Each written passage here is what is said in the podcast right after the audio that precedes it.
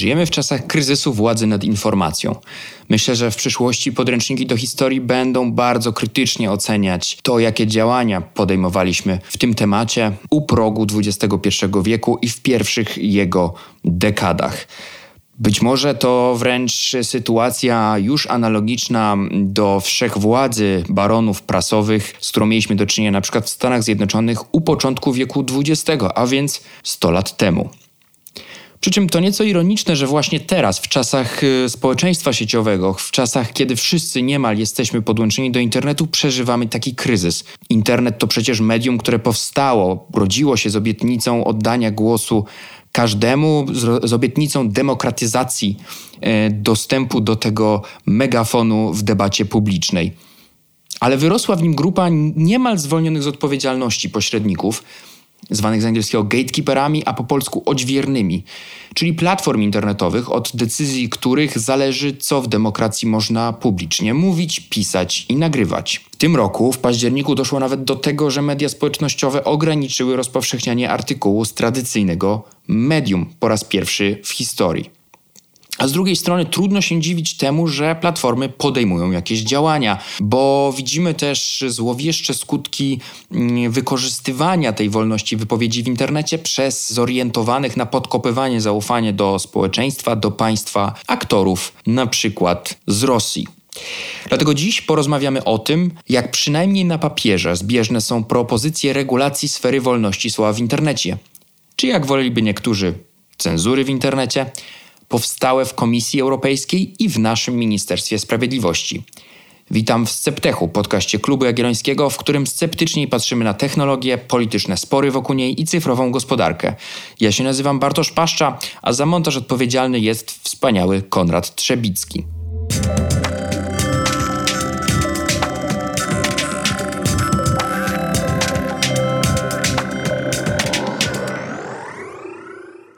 Wiemy, że nawet w tym wyjątkowym pandemicznym roku idą prawdziwe święta.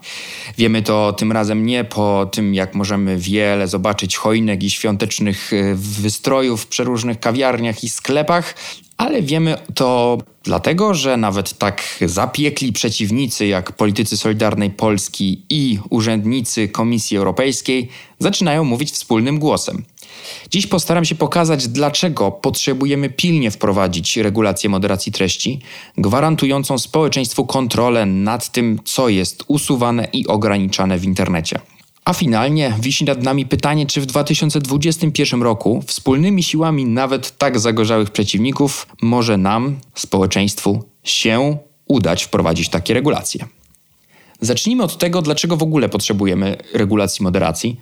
Na szczęście nie będę musiał już tutaj zgromadzonych y, szanownych słuchaczy zanudzać jakąś długą wypowiedzią pisaną na kolanie w scenariuszu bo w ostatnich tygodniach na portalu Klubu Jagiellońskiego opublikowaliśmy garść tekstów wspaniale opisujących różne wyzwania i wątki związane z moderacją treści w sieci. Linki do nich, jak zawsze, podam w opisie odcinka i już teraz zachęcam do zapoznania się z nimi. Pierwszym tekstem, który warto tutaj omówić, e, jest tekst Gosi Fraser, w którym proponuje ona pewną wizję powrotu do właśnie tej, tych początków internetu i pisze o tym, że jeśli nie oddamy użytkownikom kontroli nad tym, jakimi zasadami mają się posługiwać różne fora, grupy i przestrzenie w internecie, to nie będą oni podmiotowi, to zawsze będziemy mieć do czynienia z jakąś opresyjną cenzurą e, w sieci. Ale ciekawie uzasadnia też w ogóle potrzebę tej interwencji. I tutaj postaram się przedstawić fragment artykułu. Gosia Fraser pisze.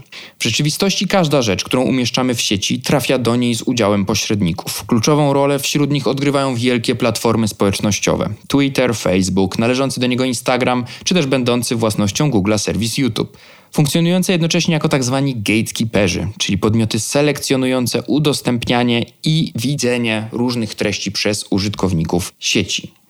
Ale dlaczego ci gatekeeperzy, czy też najlepsze tłumaczenie, jakie znalazłem, odźwierni internetu, muszą w ogóle moderować treść? To wbrew pozorom bardzo zasadne pytanie, ale z odpowiedzią na nie spieszy z kolei Dorota Głowacka, ekspertka panoptykonu, która dla nas wykonała analizę aktualnego stanu prawnego, tego jak jest uregulowana moderacja, do czego zobowiązane są platformy i przed czym są też chronione. I tutaj cytuję Dorotę Głowacką. Dość dawno zauważony problem dotyczy możliwości łatwego rozpowszechniania w sieci bezprawnych treści o różnym charakterze. Kluczową zasadą, w oparciu o którą ukształtowano w Unii Europejskiej obowiązki platform w zakresie moderacji, jest warunkowe wyłączenie odpowiedzialności platform za treści pochodzące od osób trzecich. Zasada ta, wprowadzona dwie dekady temu, miała na celu wspierać swobodny rozwój europejskiego przemysłu w obszarze usług cyfrowych oraz innowacyjność. Regulacje te przewidują, że tzw. Tak hostingodawcy, do których należą platformy, nie ponoszą odpowiedzialności za tego rodzaju treści na takiej samej zasadzie jak ich autor, czyli osoba, która opublikowała takie treści w sieci.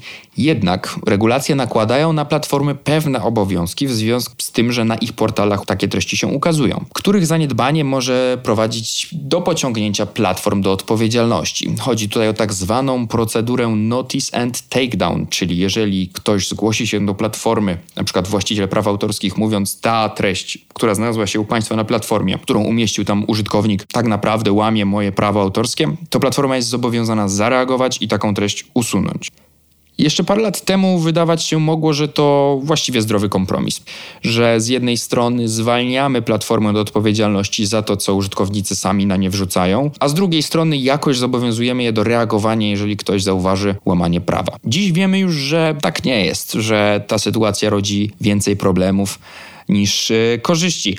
Właściwie tydzień w tydzień wybuchają gorące dyskusje związane z podjętymi przez platformy decyzjami dotyczącymi nie tylko już usunięcia, ale też ograniczenia zasięgów konkretnych treści czy użytkowników. I tutaj przejdę do fragmentu mojego artykułu na ten temat, gdzie starałem się zadać cztery kluczowe pytania na temat przyszłej regulacji, ale też omawiałem przykłady właśnie z ostatnich tygodni, kiedy te zapędy moderacyjne platform przełożyły się wprost na bardzo kontrowersyjne sytuacje.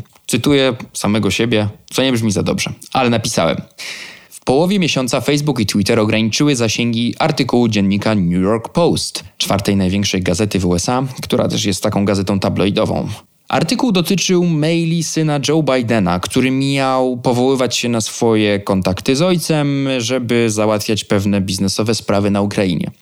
Facebook ograniczył rozprzestrzenianie się tego artykułu w oczekiwaniu na sprawdzenie przez fact-checkerów jego prawdziwości ale Twitter z kolei po prostu uniemożliwił wklejanie linków w jakimkolwiek tweetie i zablokował twitterowe konto New York Post. Platformy internetowe po raz pierwszy w historii ograniczyły dostęp czy zasięgi artykułu, który ukazał się w tradycyjnym medium posiadającym tradycyjną redakcję. Prezes Twittera, Jack Dorsey, przeżył bardzo trudne momenty w czasie przesłuchania przez senatora Teda Cruza przed kongresem. Jack Dorsey stwierdził, że jego platforma nie ma wpływu na wyniki wyborów, właściwie nie gra roli jako taka przestrzeń publicznej debaty. Przyznał, że zakazanie rozpowszechnienia tego artykułu i zablokowanie konta New York Post było pewnym błędem, ale jednocześnie nie odblokował tego konta. Powiedział tylko, że jeśli chcą, to New York Post może się zalogować, usunąć tego tweeta i wtedy ich konto zostanie odblokowane. Co ciekawe, oczywiście, skoro to był błąd, to zaraz potem mogą dokładnie tego samego tweeta ponownie wrzucić i już nie zostanie on zablokowany.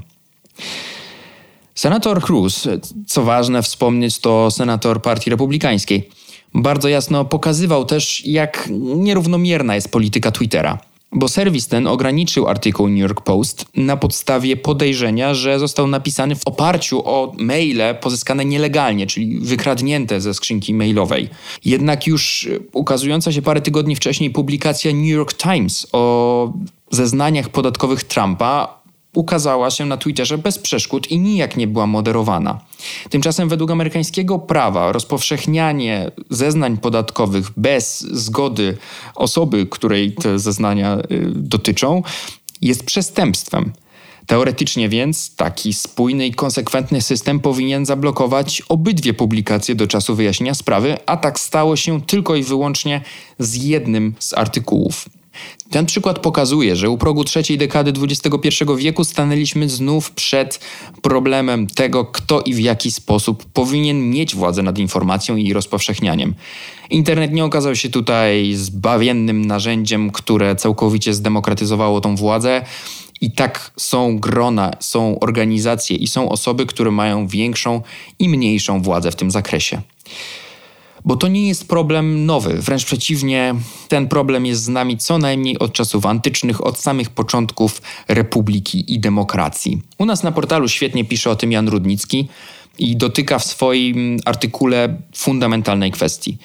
Według niego praktyczne realizowanie prawdziwej wolności politycznej, w tym wolności słowa, niekoniecznie wymaga czy opiera się o wzniosłe deklaracje praw jednostki i regulacje. Według niego o wiele większą rolę gra równość. W starożytnym Rzymie do pewnego momentu, co pokazuje Jan Rudnicki, funkcjonowały zasady wolności wypowiedzi bez konieczności twardej regulacji. To jednak się w pewnym momencie zmieniło. Cytuję artykuł Jana Rudnickiego. Tym, co wolność polityczną umożliwia, jest równowaga między uczestnikami życia politycznego i brak możliwości zagarnięcia zbyt wielkiej władzy przez któregokolwiek z jego uczestników. Gdy rzymskie podboje terytorialne przyniosły wielkie zmiany gospodarcze i społeczne, dawna równowaga runęła, a dni republikańskiej wolności były policzone. W kontekście wolności słowa doskonale symbolizuje to los Cycerona, który swoją krytykę Marka Antoniusza, wyrażoną w słynnych Filipkach, przypłacił wpisaniem na listę proskrypcyjną i śmiercią. Dodatkowo mściwy triumvir kazał wyeksponować na forum obciętą głowę i ręce retora. Te narzędzia, przy pomocy których tworzył i wygłaszał swoje mowy. Możemy też sięgnąć do nowszych przykładów, na przykład do dwudziestowiecznej Ameryki.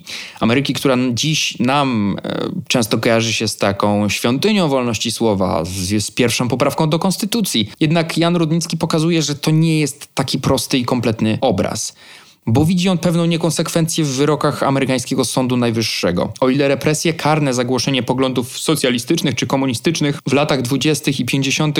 uznawano za konstytucyjne, o tyle w latach 70. zaczęto wydawać nieco inne wyroki. Twierdzono na przykład, że powinno się pozwalać neonazistom maszerować przez amerykańskie ulice właśnie w imię wolności wypowiedzi. Tak tę zmianę tłumaczy Jan Rudnicki. Sądy amerykańskie na czele z Federalnym Sądem Najwyższym są również częścią aparatu, a zasiadający w nich prawnicy to prominentni przedstawiciele elit. Elity te pokazały bardzo wyraźnie, że w przypadku, gdy publiczne wypowiedzi przedstawicieli dość skrajnego stronnictwa politycznego godzą w ich pozycje, interesy i oficjalnie wyznawane idee, nie zawahają się przed represjami i na dodatek znajdą sposób dla obrony ich konstytucyjności. Finalnie według Jana Rudnickiego chodzi więc o rozkład władzy. Jeśli dopuścimy do tego, żeby pewna grupa ludzi czy pewne organizacje miały dominującą władzę nad rozprzestrzenianiem informacji, to zawsze będą one mieć pokusę, aby wykorzystać ten cenzorski młotek do ograniczenia wolności wypowiedzi. Tymczasem dzisiaj jesteśmy w sytuacji, w którym te platformy, ci odźwierni internetowi, ci gatekeeperzy, mają tą dominującą pozycję. Polecam tutaj też przyjrzeć się procesowi y, Sin versus Facebook, który opisuje i w którym pomaga Fundacja Panoptykon. Sin, czyli Społeczna Inicjatywa Narkopolityki, to profil, który został przez Facebooka usunięty e, i Fundacja Panoptykon pomaga odwołać się od tej decyzji. Ten proces y, już chwilę trwa, natomiast w jego trakcie na przykład okazało się, że Facebook y, no, nie rozumie po polsku i wszystkie dokumenty składane do sądów trzeba przetłumaczyć na angielski, co kosztuje parę tysięcy złotych. No, poza tym trzeba pisać do sądów irlandzkich, bo przecież Facebook w Polsce no, nie jest wcale tak bardzo obecny. Tak wygląda stan dnia dzisiejszego, tej władzy nad informacją, tego, kto ma tutaj rolę dominującą, a kto jest, mówiąc językiem PRL-u, petentem.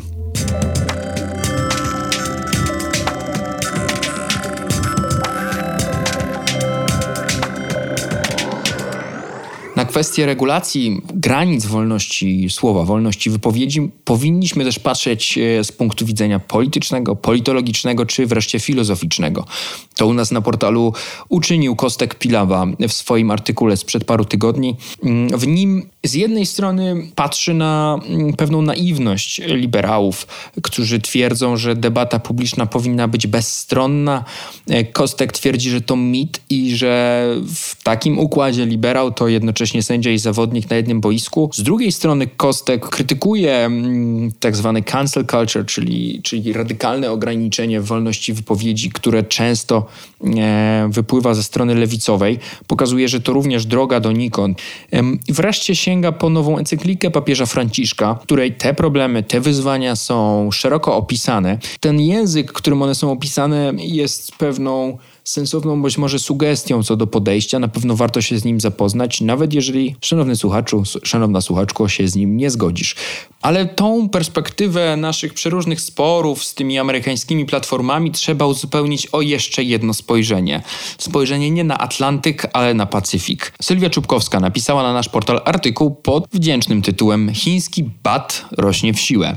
Nie chodzi tu jednak o nietoperza z Wuhan, a o technologicznych gigantów z wielkiego muru. W nim Sylwia Czybkowska opisuje, jak e, chińska partia komunistyczna wzięła się w tym roku za tamtejszy big tech funkcjonujący pod skrótowcem BAT. My w naszych dyskusjach i rozważaniach o platformach i o ich monopolistycznej pozycji często zapominamy o tym, e, jak wielkie firmy urosły w międzyczasie w Chinach. Wydaje mi się, że niedostatecznie odnotowany został ten, ten aspekt kontrofensywy politycznej wobec chińskich gigantów, jaki dzieje się w Chinach. Na przykład, kiedy w ostatnim kwartale państwowe media skrytykowały bardzo popularne w chińskim internecie memy z pewnym starszym panem, to platformy bardzo szybko zaczęły je usuwać. Kwestia moderacji to tylko pewien element y, tej, tej ofensywy partii komunistycznej wobec ichniejszych firm, próby podporządkowania sobie ich. Mm, dlatego bardzo zachęcam do zapoznania się z całością artykułu, y, w którym między innymi znajdziecie dosyć zapomnianą, może w Polsce, sprawę tego, jak Xi Jinping doprowadził do zatrzymania wejścia na giełdę spółki Ant Group, co miało być jednym z większych debiutów giełdowych w historii. Ale skoro rozmawiamy o moderacji, to warto zadać sobie bardzo ważne pytanie. W jaki sposób polskie czy europejskie regulacje zobowiążą takiego TikToka do respektowania naszego prawa? Myślę, że ze spółkami amerykańskimi może tutaj pójść łatwiej niż z tymi z za wielkiego muru. Tyle jeśli chodzi o pewną diagnozę. Widzimy, że ten problem władzy nad informacją ma wiele wątków, w zależności też od tego, skąd pochodzą te firmy, w zależności od tego, jaka jest natura tych platform i wreszcie w zależności od tego, czyje argumenty, czy obrońców wolności słowa, czy osób argumentujących, że społecznym interesem jest usuwanie treści niebezpiecznych i doprowadzających do spadku zaufania społecznego, uznajemy. Ale o problemach rozmawiamy już od wielu, wielu lat. To, co się zmieniło w ostatnich tygodniach, to to, że wreszcie pokazują się konkretne propozycje rozwiązań. I tutaj z jednej strony zapowiadane już od wielu miesięcy propozycje Komisji Europejskiej oraz, nieco zaskakujące, propozycje Polskiego Ministerstwa Sprawiedliwości. Najpierw we wtorek 15 grudnia swoją propozycję ogłosiła właśnie Komisja Europejska. Chodzi tutaj o tak naprawdę dwa dokumenty. Pierwszym jest kodeks usług cyfrowych. Z angielskiego skrótem jest DSA, czyli Digital Services Act. Choć może wdzięczniej po polsku brzmiałby skrót KUC. Ten dokument y, zajmuje się regulacją moderacji, regulacją profilowania reklam i algorytmów pokazujących nam treści na platformach. Drugim dokumentem jest kodeks rynków cyfrowych, z angielskiego Digital Markets Act, czyli DMA, i on skupia się na konkurencyjności, którą omawialiśmy również w ostatnim odcinku z Ceptechu. Wiem, że wówczas obiecywałem porozmawiać e, o interoperacyjności, czyli właśnie skupić się na DMA, ale niestety musimy sobie to zostawić na styczeń, bo te propozycje są bardzo szczegółowe i nie ukrywam, według mnie nieco rozczarowujące pod kątem interoperacyjności. No dobrze, ale co proponuje pierwszy z tych dokumentów, czyli DSA, Kodeks Usług Cyfrowych? Tutaj w tej części oprę się o analizę Fundacji Panoptykon, którą stworzyły Karolina Iwańska i Dorota Głowacka, e, bo one przeczytały te ponad 200 stron dokumentów i zamieściły świetne, zwięzłe streszczenie i swoją opinię. Dlatego też zachęcam do wejścia na stronę. Link oczywiście znajdziecie w opisie. Komisja Europejska chce narzucić nowe zobowiązania platform do bardziej konkretnego informowania użytkowników o tym, co jest przyczyną y, usunięcia jakiejś treści do stworzenia mechanizmów pozwalających użytkownikom przedstawić swoje argumenty obronne wobec platform i wreszcie proponuje taki mechanizm niezależnego nadzoru, niezależnego od platform nadzoru nad ostatecznymi decyzjami moderacyjnymi. W tym zakresie Komisja Europejska sugeruje jakieś powstanie organów pozasądowych, mm, choć jak wskazują autorki na stronie Panoptykonu, nie wyłącza możliwości, żeby były to sądy. I duża część tych elementów brzmi znajomo, dlatego że część platform już mm, podobne mechanizmy stosuje, natomiast komisja chce je zobowiązać do stosowania w konkretny sposób, do rozwoju tych mechanizmów. No i wreszcie pojawia się ten bardzo ważny według mnie aspekt jakiejś niezależnej kontroli nad finalnymi decyzjami moderacyjnymi czy cenzorskimi, jeśli wolicie tego języka używać, szanowni słuchacze. Tyle 15 grudnia, a tymczasem już we czwartek zwołana została konferencja Ministerstwa Sprawiedliwości, na której wystąpili ministrowie Ziobro i Kaleta, którzy zapowiedzieli polską ustawę regulującą właśnie kwestie zakresu wolności słowa w sieci. I to dla mnie było nieco zaskakujące. Ja nie wiem, czy ta propozycja była już od miesięcy przygotowywana i, dyskutowana, a ja po prostu nic o tym nie wiedziałem. Czy to jakaś szybka próba wyjścia z kryzysu Solidarnej Polski, takiego politycznego kryzysu, bo ta partia przez ostatnie tygodnie skupiała się na zawołaniach do wetowania budżetu unijnego, co jak wiemy e, się nie stało i finalnie osiągnięto kompromis. Ale może zostawmy politykę nieco na boku i zobaczmy, co tak naprawdę zapowiedzieli ministrowie Ziobro i Kaleta. Przy czym tutaj bardzo ważna uwaga, opieramy się o konferencję prasową projektu ustawy. Ja w momencie nagrywania tego podcastu, czyli 21 grudnia, nie widziałem. Więc y, oprę się tutaj o komunikat na stronie Ministerstwa Sprawiedliwości, który, cytuję, brzmi. Zgodnie z propozycją, serwisy społecznościowe nie będą mogły według własnego uznania usuwać wpisów ani blokować kont użytkowników, jeśli treści na nich zamieszczone nie naruszają polskiego prawa. W razie usunięcia treści lub zablokowania konta, jego użytkownik będzie miał możliwość złożenia skargi do serwisu. Projekt przewiduje też złożenie do serwisu społecznościowego skargi na publikacje zawierające treści niezgodne z polskim prawem, z żądaniem ich zablokowania. W obu przypadkach serwis w ciągu 48 godzin będzie musiał rozpatrzyć skargę. Jeśli wyda decyzję odmowną, będzie można się zwrócić do sądu, a ten rozpozna taką skargę w ciągu 7 dni. Postępowanie będzie miało charakter całkowicie elektroniczny, a prowadzone będzie przez wyspecjalizowany Sąd Ochrony Wolności Słowa utworzony w jednym z sądów okręgowych. Koniec cytatu. Patrząc na te propozycje, dochodzę do trzech konkretnych wniosków. Po pierwsze, te propozycje wydają się na ogólnym poziomie współgrać. Przyznasz, drogi słuchaczu, że te dwa dokumenty, te dwie zapowiedzi brzmią dosyć podobnie. Zarówno Komisja Europejska, jak i Ministerstwo Sprawiedliwości chcą wprowadzić mechanizm odwołania do organu niezależnego od platformy, i to według mnie jest bardzo dobry ruch, bardzo ważny kierunek. Co uzasadniam też w moim tekście, o którym wcześniej wspominałem, a link do którego znajdziecie poniżej. Co prawda Ministerstwo Sprawiedliwości w swoim y, komunikacie mocno wskazuje, że właściwie ten ich projekt powstaje na kontrze do propozycji Komisji Europejskiej, bo Twierdzi Ministerstwo Sprawiedliwości, że Komisja Europejska skupia się na usuwaniu niedozwolonych treści, a Polska z kolei chce bronić prawa do wolności wypowiedzi. Ale tutaj pozwolę sobie nie zgodzić się z tym komunikatem, nie zgodzić się z Ministerstwem Sprawiedliwości, bo to dotychczasowy stan prawny, ten stan prawny, który chce zmienić Komisja Europejska, i tutaj odsyłam ponownie do analizy Doroty Głowackiej, to ten stan prawny zachęcał do usuwania wszelkich możliwie podejrzanych treści, bo karał za nieusunięcie treści, ale nie karał za nadmierne usuwanie treści. Więc jego zmiana, chęć zmiany tych reguł przez Komisję Europejską jest również próbą nałożenia odpowiedzialności za nadmierne usuwanie. Dokładnie tak jak propozycja Ministerstwa Sprawiedliwości. Tyle miłych słów o tych dwóch propozycjach, a teraz dwa bardzo ważne znaki zapytania, które nad nimi wiszą. Zacznijmy od propozycji polskiej.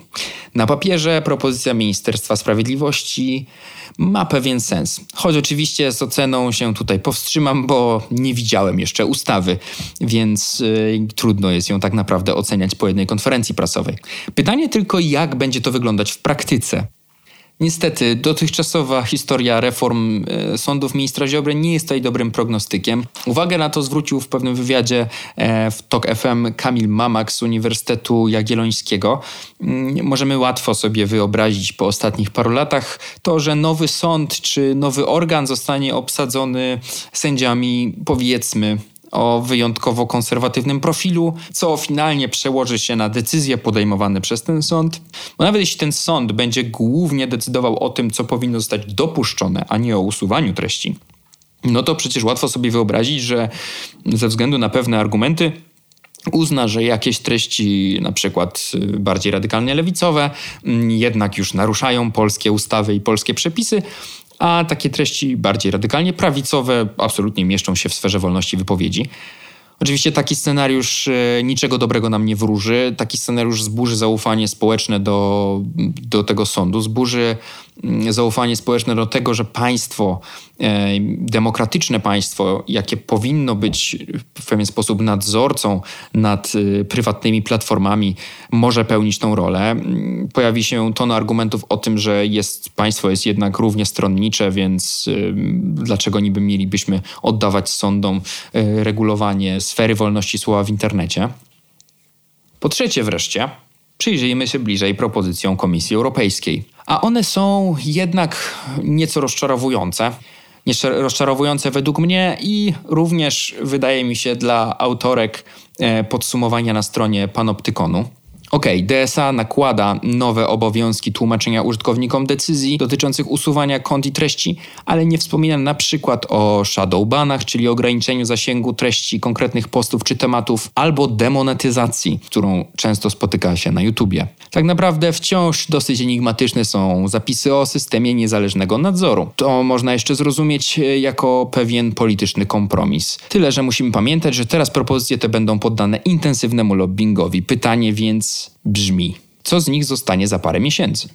Na pewno temat ten będziemy śledzić dalej w Sceptechu już od stycznia 2021. Serdecznie więc zapraszam do ponownego spotkania. Serdecznie zapraszam też do kontaktu i komentarzy w mailu albo w mediach społecznościowych, gdzie mnie znajdziecie. W opisie odcinka zostawię linki do wspomnianych materiałów i gorąco zachęcam do przeczytania tych tekstów, żeby wyrobić sobie własne zdanie na temat tego, co zrobić z moderacją.